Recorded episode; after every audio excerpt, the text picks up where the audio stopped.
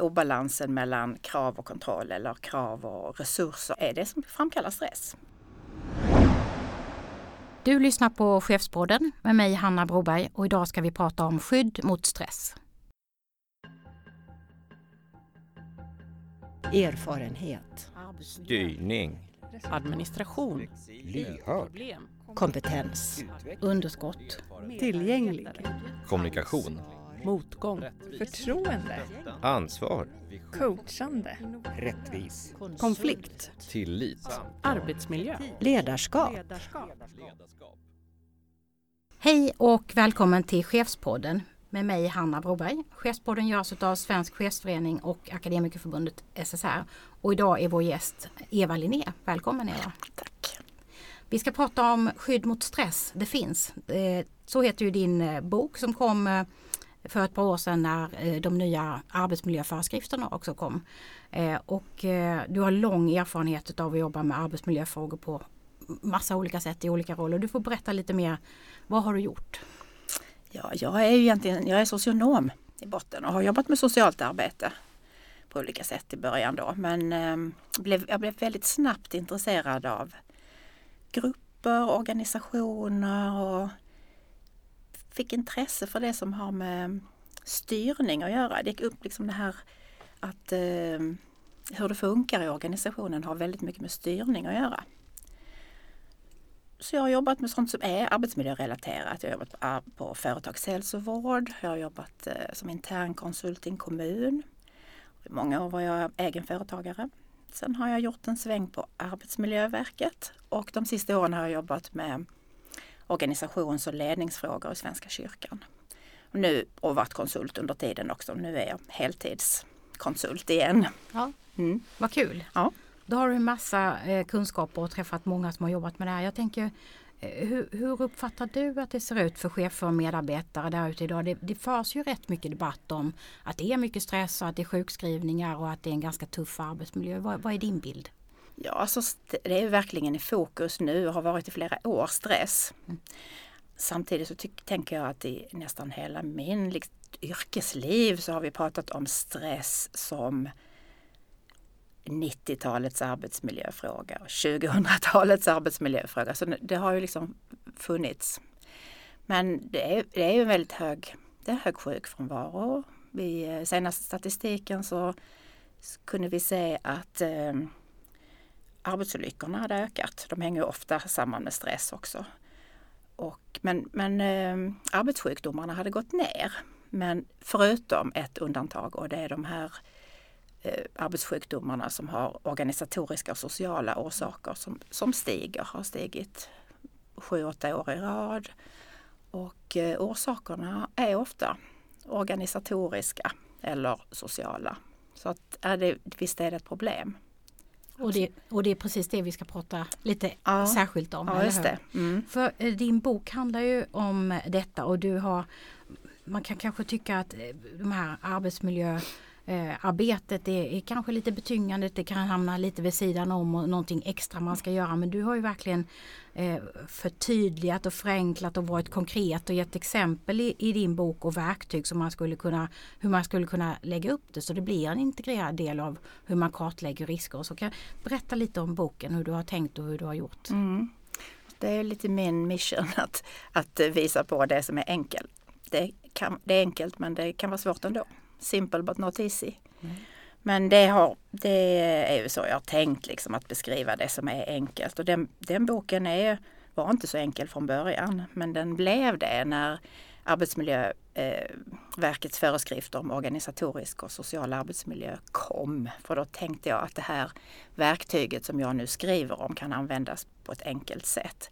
Så den är skriven direkt för första linjens chefer kan man säga.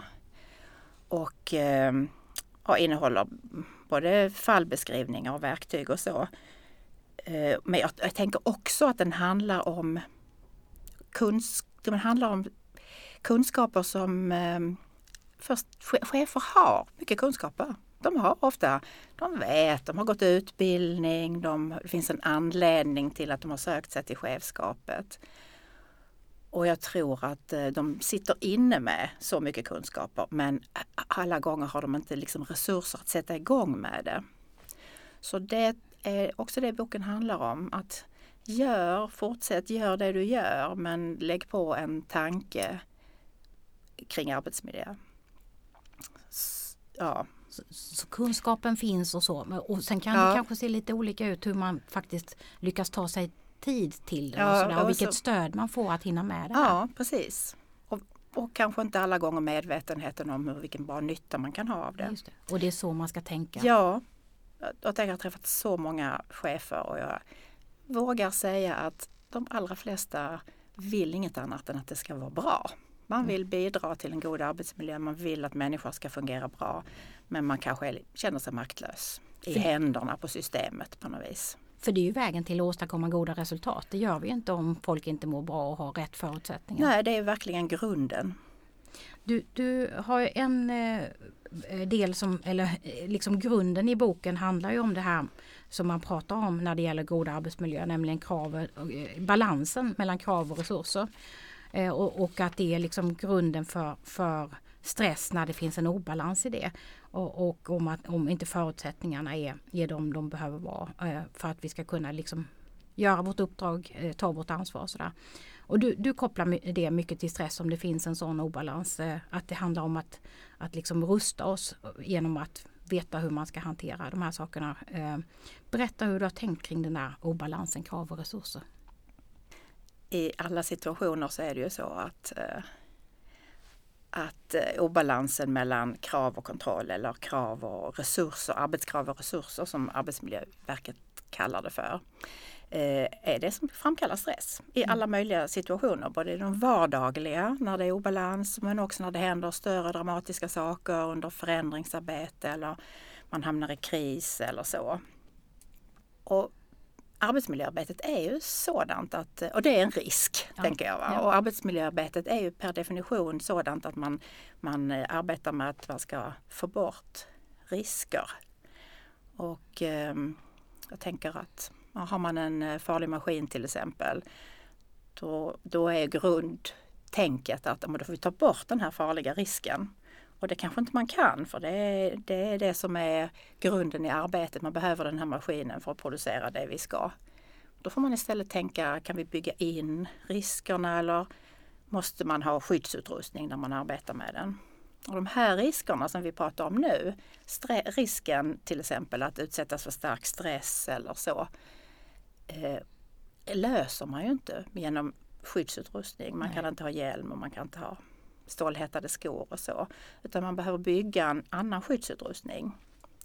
Och det som vi vet ganska mycket om, det som kan hjälpa till att balansera stress är olika former av stöd, Mm. socialt stöd och det, det är det som boken handlar om kan man säga. Och det, det är då man kan jobba med den här balansen, att man får på det sättet rätt resurser för att klara de krav som det. finns. Ja, precis. Eh, Och det ställer du, då, då finns det lite frågor att ställa sig. Det rör liksom både hur vi medarbetare kan, eh, vad det finns för, alltså du pr- pratar om stödkällor. Mm, ja. ja, just det. Stödkällor kan ju vara väldigt många olika stödkällor. Chefen är självklart, är ju ledningen en stödkälla. Men det kan finnas andra stödkällor. Så med arbetskamrater kan vara en stödkälla och även faktiskt de vi arbetar med kan vara stödkälla på vissa sätt genom att man får reda på vilka behov finns det där ute och, och en, en viss form av återkoppling på arbetsinsatsen. Ja, det är Ja. det som det bygger på. Jag, jag, jag tänkte också, nu nämnde du det här med förändring för det, det går ju organisationerna igenom hela tiden. Ja, alltså, verkligen. kanske för mycket. Ja, Eh, ja. En del börjar prata om att man kanske ska se det mer som ett förbättringsarbete och inte Jo. de här gigantiska förändringarna. Men det är ju väldigt stora påfrestningar när man inte vet vad Mm. kommer jag ha för ny roll och man ska ändå åstadkomma resultat. Det finns ju en verksamhet att leverera även när organisationsförändringen pågår. Och sådär. ja. Det är extra stora risker i Ja, de skedena, eller hur? Jo, det är det absolut och det, och det blir väldigt, väldigt tydligt där. Att å ena sidan, de krav jag har på mig, ja men de har jag. Vi ska göra, man ska, ska göra ett arbete. Men jag vet inte längre vem ska vara min chef, vilket blir mitt nya uppdrag, var, vilka resurser kommer jag att ha till mitt förfogande och så kan de rent praktiska. Kommer jag få behålla mitt skrivbord? Exakt. ja. Vi är ju vanemänniskor också. Ja, ja precis. Mm. Så där blir det ju väldigt tydligt och det är väldigt användbart Mm. att fundera över och hur ska vi rigga den här förändringen för att, eh, att vi ska ha ett bra stöd, för att vi Mm. ska klara det på ett bra sätt. Det, måste, det, som är det är målet med allt arbete, att Mm. vi ska kunna åstadkomma det vi ska göra på ett sätt som människor inte blir sjuka av. Nej. Nej. Och eh, de stöd som du tar upp i boken det handlar om det känslomässiga stödet, det, det värderande, det informativa och så praktiskt stöd. Och kan du utveckla det lite mer hur du tänker kring dem? Vad, vad är det för olika typer av stöd som, som man kan jobba med? Om, stöd kan jag också säga att jag tänker att det är ju egentligen i alla livets situationer så behöver man ju stöd för att klara sig.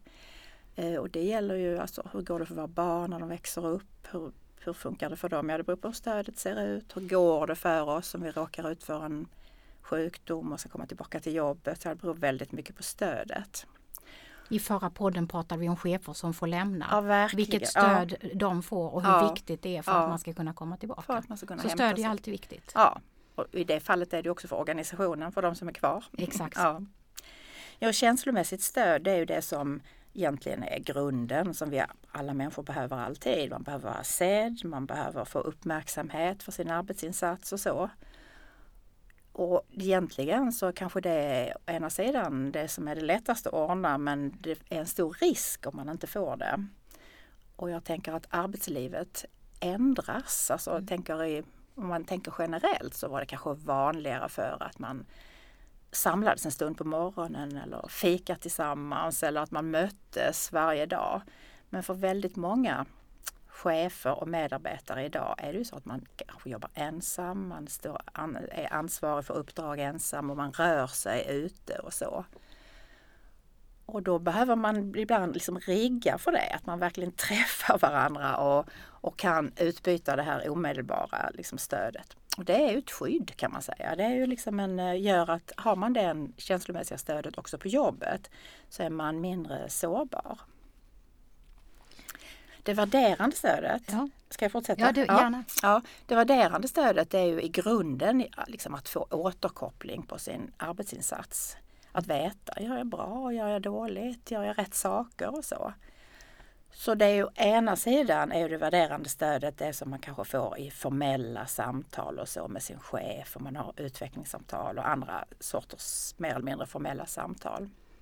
Men det är också, tänker jag, alltså också mer och mer, det handlar också om Vet jag mitt uppdrag? Är det ordentligt formulerat för mig?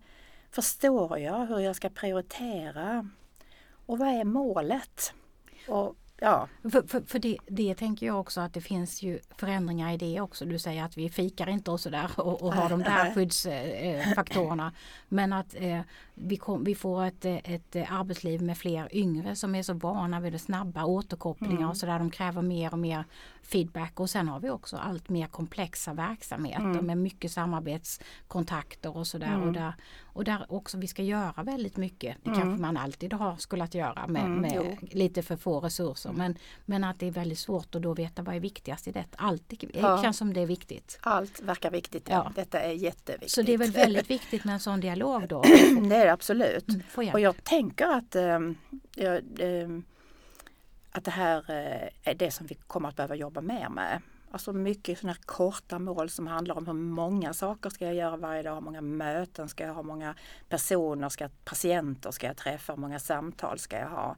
Vilka förväntningar finns? Vä- liksom. Ja, väldigt, väldigt korta mål. Mm. Att vi behöver prata mer om varför vi gör det här, eh, vad, vad, vad vi vill åstadkomma är lite det är lite bortglömt. Och din första, er första podd här handlade ju om tillit Mm. och den, den behandlade just det. Jag tror att det är väldigt viktigt. Verkligen. Och så finns det då informativt och praktiskt stöd. Ni får, Mm. ni får titta ännu mer i Evas bok sen och, och, och gå igenom det för det, det, det finns mycket exempel och eh, eh, så som man verkligen förstår och kan, kan själv jobba och planera eh, det här då. Sen, sen tycker jag det är viktigt också att prata om, för vi i en chefspodd, nu pratar vi om chefsperspektiv och, och då te- tycker jag att det ofta är så att arbetsmiljön är någonting som, som läggs på cheferna. Men man, man ska väl också komma ihåg att vi är varandras arbetsmiljö och du tar ju också upp kollegorna som en del utav det här, en stödkälla som Ja, du pratar om ja. också. Eh, det är väl också viktigt att få en kultur som liksom Eh, bygger på det synsättet. Ja det gör det och det är ju den, det som när man säger att vi är varandras eh, arbetsmiljö så är det ju den sociala arbetsmiljön man menar väldigt mycket med det då. Jag tror ju också, tänker också att ehm, eh, som det här som jag beskrev förut, att jobba mycket självständigt och så. Och betyder ju också att chefen inte ser mig hela tiden. Och det blir väldigt svårt att vara chef och kunna ge den återkopplingen. Och där, där har ju också um, arbetskamrater, kan vara en källa till det värderande stödet och det kräver ju såklart att man har ett klimat där det är okej okay, och där man kanske till och med har eh, kommit överens om det, att det är en del i arbetet. Och det kan vara ganska enkla saker. Nu kommer jag med mina enkla grejer ja, igen men det, det, kan handla till exempel om att stämma av. Alltså nu har vi gjort det här, hur gick det för oss? Att, eh, att man kanske inte rusar från uppgift till uppgift utan att ha liksom en kort eh, ja, avstämning. Mm. Det är en liten sak men kan vara väldigt, väldigt avgörande för arbetsmiljön. Mm. Och att organisera det och att det är ett att, sätt som man mm. jobbar. Så vi har ju sett på senare år forskning om till exempel om samvetsstress och, och liknande där man i projekt och i, i åtgärder ofta jobbar med precis det. Enkla samtal mm. där man delar. Just det, och där mm. man har, går och bär på egna reflektioner ja. men då får man prata om det med man kollegorna. Man pratar om det och, ja. och genom att göra det så kommer man ju ibland på lösningar också. Men man kan också komma på vad man behöver och vad man ska kräva. Jag jobbade för några år sedan på eh, en organisation där man kunde gå ut i korridoren och så hade vi korridormöte ibland, flera mm. kollegor, om någonting som hade hänt eller sådär. Mm. Och det kunde vara peppande men det kunde också vara något bekymmer och sådär. Och sen tyckte jag att en av kollegorna hade ett superuttryck, heja oss sa hon ibland ja, sådär. Ja. Och det la vi oss till med. Ja. Det gillar man, de som ja. säger det. Ja precis, men det, det är väl just det stödet man behöver kunna ge varandra.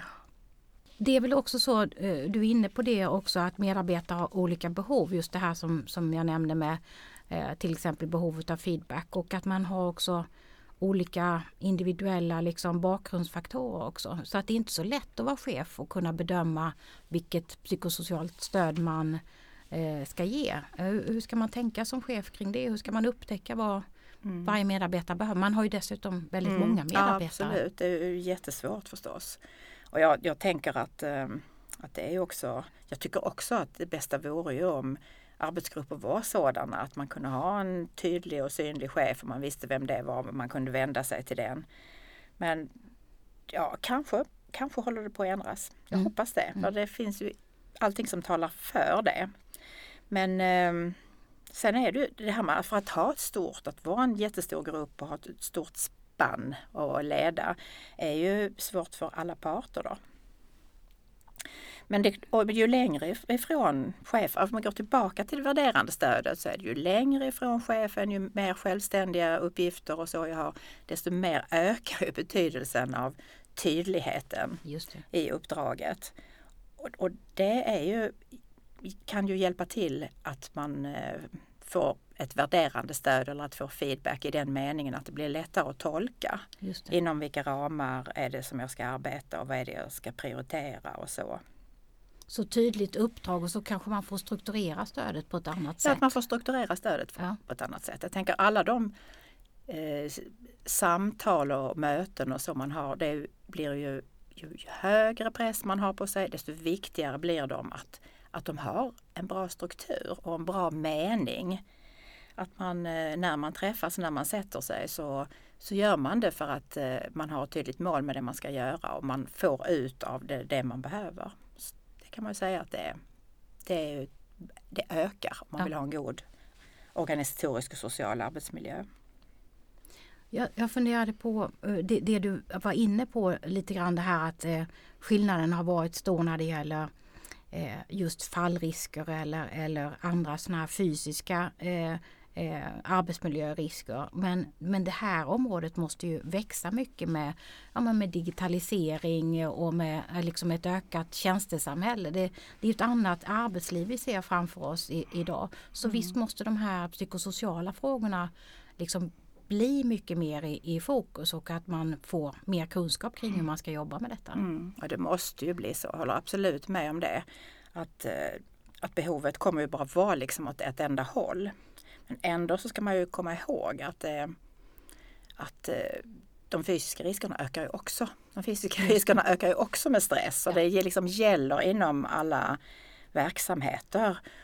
När jag jobbar med, ibland, jag jobbar ju mycket med chefer, men också med arbetslag ibland direkt och då brukar vi titta på liksom, vad är de tre största riskerna för, i mitt jobb och så. Och de som jobbar med framförallt psykosociala risker, om man säger, de, de tar ju upp stress oftast som nummer ett. Men även de som egentligen har stora fysiska risker med fallolyckor och klämskador och så, de tar också upp stress. Ja. Så det är liksom det är viktigt för kopplat. alla. Ja, Mm. det, så är det ju. Jag funderade på det här med att kunna ge kanske framförallt mest då det värderande stödet men, men kanske stöd överhuvudtaget. Eh, när du har också medarbetargrupper där det är ganska det är hög eh, personalomsättning, det är liksom eh, det är kanske svårt att hinna arbeta in sådana här kulturer. Det ligger ju väldigt mycket ansvar på chefen. Kan man få in det här arbetsmiljöarbetet liksom eh, på ett, ett strategiskt före, på ett förebyggande sätt liksom ett, du är ju inne på att det här ska vara enkelt och du ska se det som en del utav det strategiska och som styrningen. Men, men liksom med de förutsättningar som chefer har, hur, hur ser du på vad man behöver för att kunna få in det här när man, ja, men man har en, en, en personalgrupp som ändras eh, så man kanske måste börja på ny kula lite grann med att lära upp hur jobbar vi och sådär. Och, och, och, och man, man har själv liksom lite administrativt stöd så det är väldigt mycket uppgifter man ska hinna med och sådär. Hur, hur kan man jobba liksom för att Alltså som det, är ju, klara det? det är ju liksom enligt boken så att säga, alltså, eller inte min bok men Nej. enligt reglerna så är det liksom tänkt att man ska lägga in arbetsmiljöarbete som en naturlig del i allt man gör. Och, och många försök görs ju det i, med det. Eller många, många eh, kvalitetssystem så sätter man in en notering om att man ska titta på arbetsmiljön och så också. Det, och det är ju ett sätt förstås. Eh, Fast jag, jag tänker i gr- grunden handlar det kanske mer om hur man tänker. Alltså vad, vad, vad ska vi göra arbetsmiljöarbetet för? Jo men det är ju för att vi ska kunna göra uppdraget. För att, det ska, att vi ska kunna åstadkomma det vi vill åstadkomma. Och för att det ska gå, bli bra så behöver vi ha människor som gör det och de behöver de resurser som ska till och så. För några år sedan så jobbade jag tillsammans med en kollega med att vi skulle implementera ett arbetsmiljötänk på ett ställe och så. Och då skojade vi först men sen blev det allvar av det. Vi sa vi ska inte använda A-ordet. Alltså vi ska inte, vi säger, låt oss inte säga arbetsmiljö. Vi nämner inte det utan vi pratar om istället vad är, vad är målet och vad är det vi ska göra och vad, behöver, vad behövs då för att det här ska gå bra. Det är ju per definition ett arbetsmiljöarbete. Men det blir på något sätt arbetsmiljöarbetet också förknippat med rutiner, skyddsronder och olika saker som man ska göra. Vilket också handlar om att skydda. Det handlar om att skydda och förebygga. Så det behövs ju också på något sätt. Va? Men jag tror att om man mer tänker på uppgiften och målet och så, så, så är det lättare att integrera det i den vanliga verksamheten. Jag ser nästan ett slags arbets, ett årshjul framför mig kanske. Där man, man, man har ju alltid revision och verksamhetsplaner och massa andra budgetprocesser och sådana inlagda. Men, men alla de här andra sakerna med skyddsrond och Ja. annat arbetsmiljöarbete kan ju också ligga inne i det där årshjulet. jo. De behöver inte komma som överraskningar Nej, som man måste göra inte. sista, Nej. nästan på helgen för att man ska Det liksom... behöver inte vara en sidovagn Nej, utan tvärtom ett, ett bra verktyg. Men, men det låter sig kanske sägas när man har lite erfarenhet och, och har varit med ett tag som chef och kan liksom bedöma hur ens arbetsbelastning förändras och, och, eh, se liksom lite hur man själv har för styrkor och svagheter och vad man tar för Mm, ja. hjälp i saker och så. Men som oerfaren chef då, ny chef, att få till det här arbetet också och man får ju ett jättestort arbetsmiljöansvar. Ja, men ganska lite utbildning Ja. för att klara detta. Ja, alltså det, det, och det, där tror jag det handlar om att man följer formerna. Ja, men arbetsmiljöuppgifterna de ska fördelas och nu gör vi det. Nu fördelar vi dem till dig. Men det är klart att man ska, klart att man ska kräva kunskaper.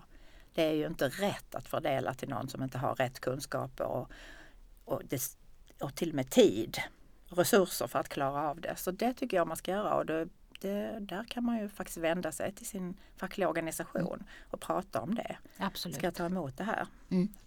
Och sådana frågor får vi ju ibland till Ja, Chef Direkt som mm. handlar om att jag tycker inte att jag har förutsättningar att ta mitt arbetsmiljöansvar. nej. Vad kan jag ställa för krav? Ja. Kan jag returnera den delegationen och så också? Ja, Så att det, jag tänker den här nya föreskriften kom ju faktiskt för nästan i dagarna tre år sedan. Den kom 31 mars 2015. Mm. Ja, den. Eh, och, eh, eh, Eller i alla fall, ja, ja, jag tror att man var, presenterades då. Just det, den presenterades. Sen tog det lite tid. Och Ja. Det har ju kommit från olika organisationer nu, eh, verktyg och arbete kring det. Jag vet inte, och det psykosociala har väl uppmärksammats liksom vad, vad det är för någonting. Och, och eh, ser du att man jobbar mer aktivt med det här ute nu? Alltså det är, en, det är ju en svår fråga. Ja. Men eh, alltså de, de, där, det, i de sammanhang jag rör mig och där jag träffas, så, så tycker jag att där jag träffar människor, då tycker jag att medvetenheten absolut har ökat.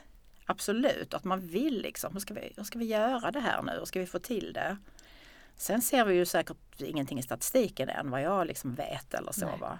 Men eh, utan det, min, det kan jag bara säga, min uppfattning är att intresset är stort. Och vi har ju pratat om till exempel hot och våld som kanske Ja. är en ny dimension av den här psykosociala Ja det är det ju. Alltså, hot och våld är absolut en, eh, framförallt en psykosocial risk. Det finns, Ja. finns en risk att man blir fysiskt skadad förstås. Men det är ju framförallt är man orolig för vad väntar mig nu och Mm. hur ska det här vara? Så på det viset är det ju absolut en psykosocial risk. Mm. När det gäller chefens egen arbetsmiljö, kan du liksom utveckla lite mer? Du jobbar ju jättemycket med chefer men också Mm. då deras ansvar och uppdrag i Ja. grupper och så. Men, men chefens egen arbetsmiljö, hur, hur ska man tänka Mm, om, om ja. riskerna kring sig själv och sitt Ja, uppdrag? Och vad kan man få för hjälp? Det, det tycker jag är en jättestor viktig fråga.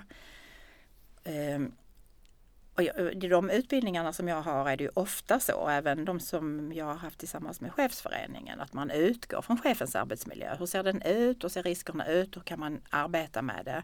På ett sätt där man också får verktyg för att arbeta med sina medarbetares arbetsmiljö. Det, är ju, det finns ju sån eh, tråkig eh, retorik kring det här med att vara chef. Det är ett omöjligt uppdrag, det är så jobbigt, det är så tufft. Och, ja, det är det ju, men det är också världens finaste uppdrag. Verkligen. Ja, så då är att, få leda andra och så. Eh, och, och arbeta mot, mot mål och få andra att jobba mot samma mål och så. Och det, där, jag tycker att eh, det, här, det här är verkligen viktigt att belysa. Chefernas arbetsmiljö. Och att de håller i det arbetet att, att, Ja. att eh, klara de här uppdragen, att de själv hittar balansen och får, får någon att prata med. Ja, ja, de behöver exakt samma stöd som alla andra förstås. Ja. Ja, Men det kan vara svårare att gå till kollegor. ja, eller- ja. men det går att rigga för det ju. Ja. Mm. Och sin närmaste chef och Mm. så som man får det här Ja. värderande stödet ifrån till exempel. Och som, som för sina medarbetare så kan man kanske lösa väldigt mycket inom organisationen. Man kan liksom rigga för de olika formerna av stöd och så. Och det kan man göra för chefen också. Men allt får man ju inte där utan man kanske måste få det också utifrån. Just det. man kanske behöver handledning, man behöver ingå i ett bra nätverk eller så. Och jag tänker på HRs roll för det ser ju också lite olika ut. Ibland så är det operativt och handfast och, och väldigt nära cheferna och ibland är det nästan långt borta och ska vara Ja. strategiskt och Mm. mest pappers eh, eh, och sånt som kommer Mm. i organisationen. Det ser ju väldigt olika ut men HR måste ju ha den här kunskapen och kunna vara ett stöd Mm. till chefen själv men också i chefens arbete. Ja, HR, de, har, de, har ju, de har ju de här kunskaperna. De, Ja. de kan ju de, de här frågorna. Och, och det ser vi ju också att där man har tillgång till en bra HR-funktion är det också lättare att jobba med de här frågorna. Både det arbete, att rigga, med det, rigga det och, och efterarbete. Så detta är ju jätteviktigt och när man ser organisationer i förändring, organisationer som kanske växer eller krymper eller så är det ju avgörande att man har det stödet från HR. Så liksom kunskapen och planeringen från HR utifrån vilka faser organisationen befinner sig i och Mm. eh, arbetsmiljöenkäter och annat som man har gjort. Det, det, det måste ju vara ett viktigt stöd. För Det är, absolut, det är absolut ett viktigt stöd och det är HRs roll. Du, eh, om vi ska avrunda Eva med några av dina bästa råd. Eh, vad skulle det vara om du tar ett par av dem? Du kanske har varit inne på några av dem nu i vårt samtal men jag Ja. tänker att ett, ett par råd som Ja. du vill skicka med. Ja. Ja, det, som jag, det som jag tänker oftast på det är ju det här med allt det här som man ska göra. Det är ju många saker som man ska göra. Det ska vara liksom olika beskrivningar och rutiner och policies och så. Att, och, och är det här arbetsmiljöarbetet också någonting man ska göra? Att försök att göra, att man försöker göra det till sitt eget. Att man tittar på vad det, det här ska jag göra och på vilket sätt kan det vara nytta för mig. Det tänker jag är det viktigaste. Det, Att det blir meningsfullt det man gör. Och för det mesta går det ju att skapa en bra nytta i det mesta. Men absolut i arbetsmiljöarbetet. Och att ta hjälp, tänker jag också är ett annat. eh, Och tänka efter hur man tar hjälp. Alltså vad är det om jag tar in konsulthjälp eller handledningsstöd. Vad ska det vara till då? På vilket sätt hjälper det mig som ledare? Och sen att ta hand om sin egen arbetsmiljö. Alltså att kräva det. Ja, att, att få rätt stöd. Att få rätt stöd. Och jag Mm. tänker att eh, det är kanske skojigare än man tror det här arbetsmiljö. Om man gör de här kartläggningarna. Det måste vara massor med saker man upptäcker också när man börjar prata om det här och ställa Ja. frågor. Ja, det är jättekul och man märker också det som är bra. Det som Ja. faktiskt funkar. Ja, och Mm. det är också viktigt att Ja, veta att vi har en del förberedelser redan. Ja, som eh, chef så är det ju jätteviktigt att hamnar man i olika situationer i det här arbetet kring arbetsmiljö eller stress eller eh, egna bekymmer så är man alltid välkommen att höra av sig till Chef Direkt på 08 617 44 00 och prata med våra chefsförhandlare. Och sen så gör också Eva eh, föreläsningar tillsammans med Akademikerförbundet SR och Svensk Chefsförening. Så håll utkik i kalendariet så eh, har du möjlighet att vara med på en utbildning tillsammans med Eva. Tusen tack för samtalet Eva. tack så hemskt mycket.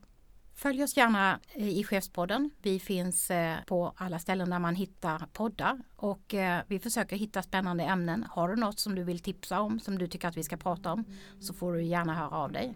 Vi hörs igen om två veckor.